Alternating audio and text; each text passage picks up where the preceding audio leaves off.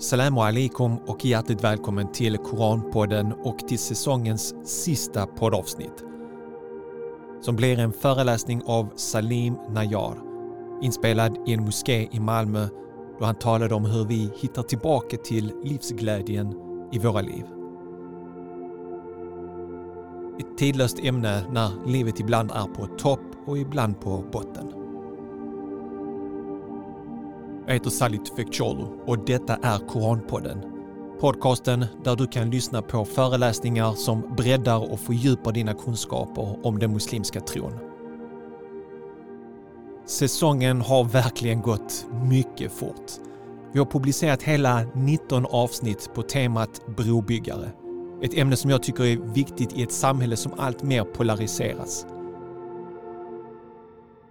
Men nu kommer vi ta ett uppehåll. Jag ska njuta av solen, mjukglass och färska svenska jordgubbar. Och det hoppas jag också att du ska göra. Jag är tillbaka igen måndagen den 7 augusti 2023 inshallah med Guds vilja och då blir det premiär för säsong 10 med en skön blandning av nya samtal, föreläsningar och serier om Koranens budskap. Ditt stöd till detta arbete är ovärderligt. Genom att stötta Koranpodden visar du ditt direkta stöd för spridningen av kunskap och tolerans. Jag strävar verkligen efter att främja interreligiös dialog och skapa en plattform för ömsesidig respekt och förståelse. Och ditt bidrag hjälper oss att nå ut till fler lyssnare och påverka samhället i en positiv riktning. Så om Koranpodden har berikat din tillvaro och gett dig nya insikter, investera då i detta arbete genom att bli månadsgivare eller genom en frivillig donation. Hur du blir månadsgivare eller donerar till vårt arbete hittar du på vår hemsida koranpodden.se Må Gud belöna dig för din kontinuerliga och frikostiga stöd som möjliggör att vi kan återkomma med säsong 10. Okej, nog med försnack. Nu ska du få lyssna på Salim Nayars föreläsning om hur vi hittar tillbaks till livsglädjen i våra liv. Må Allah belöna de här fina ansikten som finns eh, framför mig och de som har eh, anordnat detta. Eh, det är alltid en välsignelse när muslimer träffas och ummin Allah subhanahu wa ta'ala. Och att eh, prata om det här ämnet eh, som är livsglädje. Att hitta livsglädje. Jag tror det är väldigt aktuellt. Eh, alhamdulillah, nu är det fint väder. Kanske vi kommer ha samma föreläsning inför hösten igen när det behövs. Men det sägs också när väder ändras, vädret ändras så också det är många som, som tappar lite livsglädje. Men eh, innan jag går in i ämnet så vill jag inshallah bara för att förstärka syskonskapet som finns i det här eh, rummet och vi är alla syskon eh, så vill jag ställa en fråga till er som ni ska diskutera med era nära som sitter närmast er. Och då vill jag veta, vad är det som gör er lyckliga och glada? De stunderna som får dig att känna lyckan och glädje. Så vi kan inshallah dela med oss. Så den som sitter själv får joina någon annan broder eller någon annan syster. Så ja, jag tror det finns en syster själv där så ni kan sitta bredvid henne inshallah. Eller syster Shifa, du kan sitta bredvid. Ja. Eh, broder här framme, du kan sitta med kanske Bror Salah. Inshallah. Så frågan är, vad är det som gör dig så lycklig och glad som får dig att ha så livsglädje? Inshallah. Ni får två minuter för detta. Alhamdulillah så har ni fixat min planering till den här föreläsningen, vad jag ska prata om. Wallah, underlätta för er. Yes, jag tänkte egentligen börja med att är det viktigt att känna livsglädje? Eh, är det viktigt att vara glad som muslim? Det är många som kanske förstår vår tro, att vi ska frukta Allah, att vi ska vara rädda för domedagen, att vi ska leva i en ständig eh, eh, isolering från det världsliga, att det här livet är väldigt kort och man ska inte njuta så mycket som muslim. Tyvärr det finns det en missförstånd bland många, eh, eller inte många, men bland vissa muslimer som tror att har man börjat praktisera så ska man sluta visa sina tänder. Och eh, då menar jag att man ska sluta skratta och man ska försöka vara med allvar och göra allvarliga saker och tänka på ummas tillstånd och att eh, verkligen vara seriös hela tiden. Och om vi har profeten sallallahu alaihi wasallam som förebild, det finns ingen jag vill bara påminna oss själva, när jag nämner profeten sallallahu alaihi wasallam så är det väldigt bra för oss att sända frid och välsignelse över profeten sallallahu alaihi wasallam. Så han är den som har förstått Islam bäst. Det är han som har fått det från Allah subhanahu wa ta'ala. Så vår tolkning av religion kan aldrig överträffa profeten sallallahu alaihi wasallams tolkning.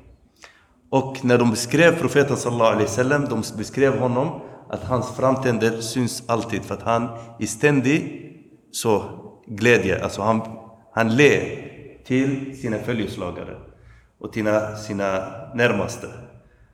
Så leende är en sunna i Islam. Att man verkligen, varje gång du ler till din broder, du får hasanat. De här sakerna, alhamdulillah, jag sitter bland syskon som kan sin tro.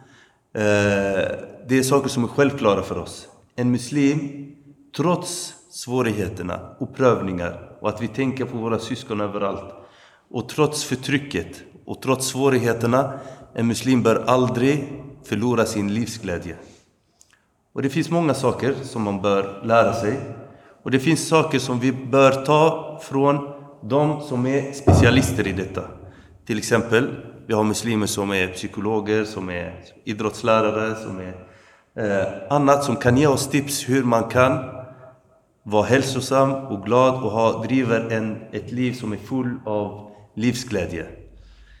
En muslim som tappar livsglädje, som är deprimerad, han kommer att ha väldigt svårt att vakna och be med khushua. Att kunna komma närmare till Allah subhanahu wa ta'ala. Att ha energi och göra goda handlingar. Att bemöta de andra med glädje och sprida glädje. Det är därför det här ämnet är oerhört viktigt för oss. Salam alaikum bröder. Det finns platser här framme inshallah. Så eh, vi behöver påminna oss, vad är det vi behöver göra för att kunna känna den här livsglädjen?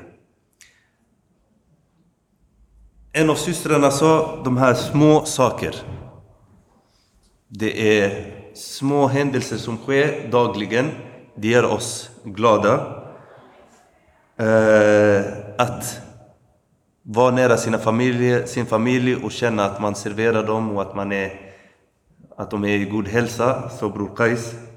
Och det är såklart jätteviktigt. Jag hörde lite här att Bror Salah pratade om att läsa böcker gör mig glad och eh, söka kunskap. Och det är också oerhört viktigt, vi kommer att prata om det. Men modet till de här eh, saker, det är relation till Allah subhanahu wa ta'ala. När vi har en frisk relation till vår skapare, då är den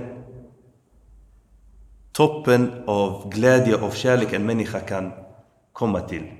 Ibn al-Mubarak berättade, han sa om kungarna och de rika visste vilken livsglädje vi hade och vilka så glada vi är genom att sitta och studera eh, vår tro och komma och göra dhikr och komma närmare till Allah subhanahu wa ta'ala så hade de tagit deras svärd och kommit och krigat mot oss för att ta den här glädjen. Den här livsglädjen som vi muslimer har när vi träffar varandra, när vi verkligen ömmar mot varandra, när vi är solidariska mot varandra, när vi så sprider kärlek till varandra. Det är någonting som är väldigt stort. Och jag har sett många som icke-muslimer som säger många gånger vi blir faktiskt svartsjuka när vi ser hur ni tar hand om varandra, hur vi är glada och sånt här. Så det är jätteviktigt att vi behåller den här livsglädjen. Muslimer när de ska träffas, de måste alltid finnas den här leende, att vi ska skämta med varandra, att vi ska ta hand om varandra, kärlek. Och den förståelse av religionen att har man börjat praktisera så ska man bli så här arg och aggressiv. Tro mig, det där kommer inte hålla länge. Jag har sett många bröder genom tiderna som har varit så här jättestränga och arga. Och så med tid så har de vänt till något annat, hiphopkultur eller annat. Det blev bara en trend i deras liv. Och vi ska försöka hålla vår tro fram till sista andetag. Tills vi dör så ska vi försöka praktisera vår tro. Och det är en lång väg, Allahs väg. Sheikh Al-Albani Rahimahullah säger vägen till Allah den är väldigt lång. Målet inte är att komma fram. Målet är att dö på vägen dit. Och ni som, vi har en idrottslärare här, de som eh, löpare måste planera sin eh, sträcka. Man kan inte springa allting från början, sen förlorar man energi. Man måste se till att du har ork fram till du träffar Allah subhanahu wa ta'ala, fram till döden. Och det är därför den här energin, det är väldigt viktigt att vara och jobba med saker som ger dig energi. I Islam så finns det delar, plikter, som kan vara ansträngande fysiskt. Det finns andra som kan vara ansträngande mentalt. Och i Islam det finns en variation, man måste blanda. Det finns en sunna som jag älskar till exempel. Jumu'ah, efter fredagsbön, så är det sunna att göra qailula, att äta god mat och göra qailula till exempel. Det är bortglömt sunna. Men att gå efter fredagsbön och äta med sina vänner, det är en, det är en sunna. Att äta efter Jumu'ah. Att göra qailula, vila, det är en sunna. Att skratta, att le till sina syskon, det är sunna. Det finns så mycket plikter eller rekommenderade handlingar som får oss att må bra, som vi har glömt bort. Så eh, i den här föreläsningen så försöker jag ta vissa punkter som jag tagit fram här som gör att vi må bra och att vi ska kunna fortsätta vara praktiserande muslimer under en lång tid. Alla de som jag har uh, sett lämnat vägen i praktiserande bröder som har haft lång skägg, som har varit så praktiserande, väldigt hårda i sin praktiserande av tro. Jag ser dem idag, många av dem har lämnat. Och anledningen är att man inte klarade av en livsstil som är, jätte, som är jättesträng. Man kanske klarade ett, ett år, två år, tre år, sen tappar man till slut. Man måste kunna ta islam som helhet. Det finns delar som, är, som man kräver att man är sträng, man håller fast vid sanningen. Och det finns andra delar som är mjuka och som får dig verkligen att kunna orka. Och Imam Ali, an, han säger, och Al-Sunna tror att iman, den går upp och ner. Den går upp med goda handlingar och den minskas med dåliga handlingar. Så Imam Ali säger, radiallahu an, eh, när din iman är stark så passa på att göra så nattbön och saker som är ansträngande fysiskt. När din iman är svag, håll dig till det som är obligatoriskt. Så, du kan inte gå ner under det där. Men ibland går faktiskt människan i perioder av svaghet. Och de här perioderna av svaghet, de är gjorda för att du ska veta att du är en människa och du är i behov av Allah subhanahu wa ta'ala. För att om vi hela tiden är så, vi ber nattbön och vi fastar och vi är så duktiga på allting. En människa kan få kibber i sig. Kolla så duktig jag är. Men att känna sig svag, det är naturligt i Islam. Så man får inte vara deprimerad när man är där. Man vet, att det här är en period, det kommer gå över. Men man ska inte vara nöjd heller att vara där. Man håller fast vid sina fem böner och man försöker gå upp igen. Och du kommer att gå upp och ner fram tills du träffar Allah subhanahu wa ta'ala. Och den kända duan som profeten sallallahu alaihi wasallam säger att låt oss träffa dig Allah och i den bästa tillstånd. Så vi ber Allah subhanahu wa ta'ala när vi eh, har kommit till slutdestination så är vi på det bästa tillståndet av iman och av tro. Så det är en lång väg, mina kära syskon, och det är många av er som är unga här. Må Allah subhanahu wa ta'ala ge er livsglädje och iman hela ert liv. Eh, och den här vägen kräver mycket verktyg. Ibadat man ska göra för att man ska klara av det. Den bästa ibada är bönen. Och Allah subhanahu wa ta'ala har gett muslimerna den här, de här fem bönerna för att underlätta för dem. Bönen är gjord för att underlätta. Många gånger för oss har blivit bön någonting som är jobbigt att utföra, ansträngande och man känner så lite stress att man ska göra det. Men profeten sallallahu alaihi wasallam, när det var svåra tider, när det var stress eller sånt här, han säger till Bilal Erehna biha ya Bilal. Låt oss vila med den, med bönen. Och han säger Ju'ilat qurratu aini för salat. Det bästa jag njuter av, det är bönen. Så vår ställning till bön måste ändras för att vi ska kunna njuta. Det är inte bra att kunna göra en sån stor plikt med stress och det känns jobbigt. Och många av oss känner av det här, att det kan vara jobbigt ibland att, att be. Och det är normalt i, i det eh, i det här livskultur som vi har idag, där det är så mycket stress. Man måste alltid leverera, vi har tider att passa. Det är så mycket som vi behöver göra. Så bönen blir någonting som kommer stoppa den här stressen eller saker som du behöver leverera. Så det är väldigt viktigt att byta ställningen till salat. Så man tänker Salat är nu för mig för att jag ska kunna avbryta den här stressen jag har i livet. Salat är att jag ska bemöta den jag älskar mest. Och du börjar skapa relation till Allah subhanahu wa ta'ala. Man kan inte njuta av salat om man inte har en bra relation till Allah subhanahu wa ta'ala. Och en bra relation till människor eller till Allah subhanahu wa ta'ala kräver kommunikation. Och kommunikationen till Allah subhanahu wa ta'ala finns inte i bönen. Du kan inte leva som en ateist från Fajr till Dhar. Det är 6, 7, 8 timmar. Och sen, nu ska jag prata med Allah subhanahu wa ta'ala. Den som njuter av bönen är den som är i varje stund försöker påminna Allah subhanahu wa ta'ala. När, när man sitter och pratar så har man en annan kommunikation. Man har en horisontell kommunikation och man har en vertikal kommunikation samtidigt. Så jag pratar med dig samtidigt säger Subhanallah, så fin den här brodern är. Subhanallah, så Allah har gett honom visdom. Och jag, i mig själv, jag pratar med Allah subhanahu wa ta'ala. Må Allah underlätta för honom. En broder på vägen hit, han vill gifta sig. Jag pratar med honom samtidigt och Allah, låt honom hitta den bästa frun. Säg amin. Jag hörde inte, säg amin. Amin, ja. Så att vara i ständig relation med Allah subhanahu wa ta'ala nu i den här värld vi lever i, det är väldigt svårt. Vi har redan den här tillräckligt som en eh, som tar vår uppmärksamhet.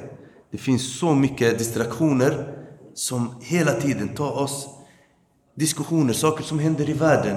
Eh, någon bränner Koran hit, någon annan, det händer saker i Palestina, det händer saker. Hela tiden det finns nyheter och saker som drar vår uppmärksamhet. Men en muslim bör aldrig tappa relationen till Allah subhanahu wa ta'ala. Och det är så vackert att Allah subhanahu wa ta'ala har gett oss förmåga, vi människor, att kunna till och med tala med varandra, göra ett jobb samtidigt som vi talar med Allah subhanahu wa ta'ala i allt vad vi gör. Att ha de här två processerna samtidigt. Hela tiden vara Guds medveten. Allah ser mig. Allah hör vad jag, vad jag gör nu. Och det är exakt det som är taqwa. Ordet taqwa, ni kommer att hitta den hela tiden i Koran. Översättningen är lite så här svag. Det är Guds fruktan. Men som Rosalah brukar översätta det också ibland. Det är Guds medvetenhet. Att man är ständigt medveten om att Allah subhanahu wa ta'ala ser oss. De lyckliga människor är de som har så lång tid som möjligt med Allah subhanahu wa ta'ala. Och ibland så vill man faktiskt bli av med allt som är omkring sig och ha endast relation med Allah subhanahu wa ta'ala. Och det är det som är bönen. Då vill man verkligen, khalas. Jag vill vara med den som jag älskar mest och det är Allah subhanahu wa ta'ala. Och i den stunden så är det väldigt viktigt att muslim, subhanahu, en muslim tänker i sin bön att jag har Allah subhanahu wa ta'ala framför mig när jag ber. Alhamdulillahi rabbil alamin. Det man börjar läsa al-Fatiha. Ar-Rahman ar-Rahim.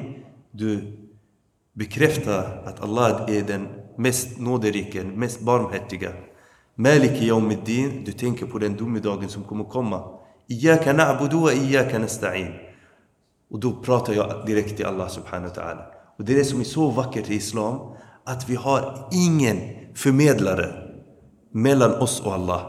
Det enda religionen där du inte har en staty som ska ta dina böner. Du har ingen präst eller en eh, munk eller rabbin som ska ta dina, eh, din dua till Allah subhanahu wa ta'ala. Du har en direkt relation till Allah subhanahu wa ta'ala.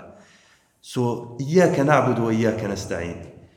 Dig dyrkar vi och dig ber vi om hjälp. Nasta'in, det betyder isti'ana, att hela tiden, i allt vad du gör, att du är i behov av Allah subhanahu wa ta'ala. Och ju mer du känner det här behovet till Allah subhanahu wa ta'ala, desto mer du kommer att ha en fin relation till Allah. Och de som känner sig självständiga, är inte i behov av Allah, det är de som kommer att komma så långt ifrån. Och som Firaun, innahu tagha, det är att han har sett sig själv som är större än en människa. Han, han är inte i behov av Allah subhanahu wa ta'ala. Det är den som, är, som har kommit så långt ifrån Allah subhanahu wa ta'ala. أوك اي سورة الأعلى بصير الله سبحانه وتعالى أم أبو جهل سمي فرعون دنهار امه بروفيت صلى الله عليه وسلم عن سير أبو جهل فرعون هذه الأمة. هاني فارو أوف دنهار امه أوك آه، رأيت الذي ينهى عبدا إذا صلى كذب وتولى ألم يعلم بأن الله يرى. نعم. إن الإنسان ليطغى إن رآه استغنى الإنسان människan يطغى gå över sin gräns så fort han استغنى استغنى han känner sig obehöv, alltså att han inte behöver någons hjälp att han inte behöver Allahs hjälp Så fort man känner att jag är, jag klarar mig själv. Och det är tyvärr, yani, jag ser oss, de som inte tror på Gud, är att de säger vi behöver inte Gud. Vi lever i ett system som ges, ger mig eh, sjukförsäkring, ger mig eh, vård, ger mig allting vad jag behöver. Jag behöver inte Gud. Så när man kommer till den tillstånd så har man kommit långt bort från Allah. Och den som känner ständigt behov av Allah subhanahu wa ta'ala, att han känner varje andetag jag tar, det är en gåva från Allah subhanahu wa ta'ala. När man ska äta, man säger Bismillah, det här Allah har gett mig den här näringen. När man ser ett barn och man har rahma i hjärtat, man säger Alhamdulillah för den här rahma, för barmhärtighet jag har fått i mitt hjärta. Så att vara i ständig relation med Allah subhanahu wa ta'ala, det är den toppen av lycka en människa kan få. Och det är den skydd man har mot ångest, depression och allt annat. Så även om man drabbas av en sån sjukdom av naturliga skäl, så Allah subhanahu wa ta'ala kommer ge dig vägar till att kunna bota dig av det. Så det är naturligt. De här sjukdomar finns så som alla andra sjukdomar finns. Kroppen blir sjuk och själen blir sjuk. Och då behöver man ha hjälp. Så relationen till Allah, kärlek till Allah. Och den här religionen bygger på kärlek. Hela iman bygger på kärlek. Har du inte kärlek till Allah subhanahu wa ta'ala så kan du inte vara troende. Har du inte kärlek till profeten sallallahu alaihi wasallam kan du inte vara troende. Profeten sallallahu alaihi wasallam han säger den som inte älskar sina syskon kan inte vara eh, troende. Så utan kärlek, relationen eller till Allah subhanahu wa ta'ala och praktisera dem tro kommer att vara omöjlig. Och det är därför bygger den här eh, religionen på kärlek. Man måste kunna ha de här känslorna levande. Du måste kunna se, så som Bror Kaj sa, alltså att se sina föräldrar man får en stark känsla där inne att man verkligen älskar sina föräldrar. Oavsett även om de har gjort fel mot oss. Oavsett vad omständigheterna har gjort att det kanske i vissa tider har varit jobbigt för dem. Man måste kunna ha kärlek till sina syskon också. Och syskon i Islam. Och till mänskligheten också, till djur, till allting. Alltså att människan ska leva hela tiden med kärlek. Och för att kunna, förutom bönen, så är det dhikr. Dhikr är en tillstånd som ökar din kärlek till Allah subhanahu wa ta'ala och som ger dig glädje. Jag lovar, alltså befinner du dig i en situation där så stress eller inför prov eller eh, du har någon jobbig situation Testa det. Bara subhanallah, subhanallah, subhanallah, alhamdulillah, alhamdulillah. Du kommer att se hur, eller tatma'innu al-qulub. Är det inte så att när man ominner Allah subhanahu wa ta'ala så får man trygghet i sitt hjärta? Du kommer att testa det, du kommer att se det. Högre nivå är att den här dhikr man gör, man gör det med förståelse.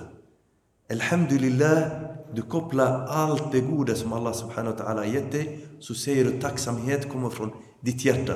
Och tacksamhet är ett skydd mot depression. En människa som tänker, en deprimer, en av eh, symptomen när man är deprimerad är att när man kollar i sin historik och i sitt liv så kan man endast minnas de dåliga stunder. En deprimerad människa, alltså en, en psykolog som ska sitta med en eh, patient som är deprimerad, man kan lätt se de här symptomen. En av symptomen är att den här människan kan endast relatera till dåliga händelser som har skett i sitt liv. En som gör hämnd är helt motsatsen. Han kollar det positiva som har hänt i sitt liv. Och eh, det finns en judisk eh, psykolog, jag glömde hans namn, men eh, han skrev mycket om detta. Han var med i andra världskriget när det var förintelsen. Och det som gjorde att han klarade av Eh, den här jobbiga tiden, han har blivit av med sina föräldrar och allting, är att han tänkte alltid att det kommer att bli positivt, det kommer att bli bättre. Det kommer att bli bättre. Det gjorde att man kunde klara av det här. En muslim är mer, eh, har mer förutsättningar att alltid tänka positivt. Eftersom man säger Alhamdulillah och när det händer någonting dåligt och man har tålamod så har man också stora belöningar i Islam. Det här är relationen till Allah subhanahu wa ta'ala. Och bara det skulle kunna vara en, eh, en ett ämne för sig. Inshallah, kanske någon gång att vi går in i det lite djupare. Hur man kan fördjupa sin relation till Allah subhanahu wa ta'ala. Nummer två, saker som vi glömmer bort hela tiden. Allah subhanahu wa ta'ala har skapat människan. Han har skapat jinn och änglar. Och av jinn så kommer shayatin. Shaitan är från jinn. Och vi glömmer bort det osynliga värdet som finns omkring oss. Och det här är väldigt viktigt, mina syskon. Vi lever i ett värld, materialistisk värld, där vi tror bara på det som finns. Det här är en blomma, ja, eller ja, vi kallar det för blomma. Eh, den finns. Att det finns en ängel här bredvid mig. Om jag inte ser det så finns det inte bland i den förståelse vi har i den väst, västvärlden och i den materialistiska värld vi lever i. Nej, vi muslimer, vi tror på ghaib. Det här är jätteviktigt. Alladhina amanu bil ghaib. Allah subhanahu wa ta'ala påminner oss alltid att vi bör, eller vi måste tro på ghaib. ألف لام ميم ذلك الكتاب لا ريب فيه هدى للمتقين vem المتقين de som tror på ghaib. Vi muslimer, vi tror på Allah subhanahu wa ta'ala, det är ghaib, vi ser inte honom. Vi tror på profeterna, det är en annan form av ghaib, de har befunnit men i vår tid så ser vi inte dem. Vi tror på att eh, Eh, böckerna, skrifter, kommit från Allah subhanahu wa ta'ala. Det är ghaib att det kommer från Allah subhanahu wa ta'ala. Änglarna, domedagen, alla de här sakerna är ghaib. Och de som har läst lite pedagogik vet att den ädlaste delen av hjärnan, det är den frontalloben här. Och det är den som är ansvarig för att man ska kunna tänka abstrakt. Alla andra djur, och vi, inte, vi tillhör inte djur, men djur har väldigt svår förmåga, förmåga att tänka abstrakt. Vi kan tänka abstrakt. Förutom det här så kan jag veta nu, även om jag inte ser vad finns i Saifs hjärna, så vet jag att han tänker. Trots att jag inte ser hans tankar. Förstår du? Vi vet att det finns något som är osynligt som vi tror på. Och som muslim så tror vi att det finns änglar. Allah subhanahu wa ta'ala har lagt till varje muslim en ängel som ska skydda honom. Och vi bör ha också fin relation till änglarna som är omkring oss. Hur, Amu Salim, hur ska jag ha en bra relation till ängel som jag inte ser? Vi muslimer glömmer bort att vi inte själva. Sitter du hemma själv? En muslim bör inte bara gå naken sådär bara för att jag är själv. Du ska ha respekt att det finns änglar och sånt där. I ditt hem så rensar du ditt hem för att du ska må bra. Men samtidigt för att ditt hem ska vara full av änglar. Du ominner Allah, du sätter på Koran, du lyssnar och du kommer att känna av det. För att vi kan bekräfta saker när vi ser dem och när vi känner det. Att jag känner att mitt hem nu är full av shayatin, det är därför vi bråkar och det finns så mycket ja, och, vi har, och blöjorna sitter där och det finns kiss och sånt här. Då börjar man tänka, ja, istället för att jag ska fortsätta att bråka, jalla jag rensar hemmet, jag sätter på Koran, säger fina ord, jag ber i mitt hem, så kommer du se hur konflikterna minskas i hemmet. Och det här, ett islamiskt hem, den är alltid full av glädje. Så fort vi ser att det finns smuts, det finns eh, Allahs namn nämns inte, det finns allting som Shaitan dras till det. Shaitan dras till konflikter, till smuts, till eh, platser som är orena. Vårt hem, ett muslimskt hem, bör vara ren, bör Allahs namn eh, ominnas så mycket som möjligt och så vidare. Så tänker man att det finns den här ängeln som skyddar dig, som är bredvid dig. Och du har respekt också till den ängeln. Du kan inte eh, ja, bete dig så, hur som helst när du är hemma. Du ska veta att du inte själv är hemma. Och det är ganska skönt. Tack för att du lyssnade på Salim Najars föreläsning om hur vi hittar tillbaks till livsglädjen i våra liv. Det som jag särskilt tar med mig från eh, Salim Najars föreläsning är hur livsglädjen går genom min skapare. Ju närmare jag är honom, desto starkare, djupare och bestående blir min livsglädje. Så om du fann föreläsningen med Salim lika inspirerande som jag gjorde skulle jag uppskatta om du delade föreläsningen med andra människor eller vänner som söker livsglädje i sina liv.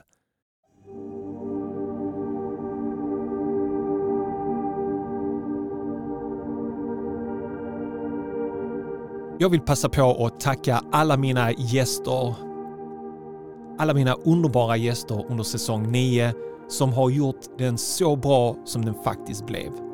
Så stort tack till Karina Hjelm, imamen Abdul Wahid Pedersen, Tala Al-Saadi, filmregissören Abbe Hassan, radiovärden Elias Rama, Martin Ibrahim Shedletski och Jonas Zeidan, prästen som blev muslim Leif Ahmed, Isra Abdali, David Eriksson vars pappa blev muslim, 14-åriga Emina, Jonas Utterbeck, professorn i islamiska studier, Ahmed Kursani, Marwa Dabai, Marco Jamil Espvall.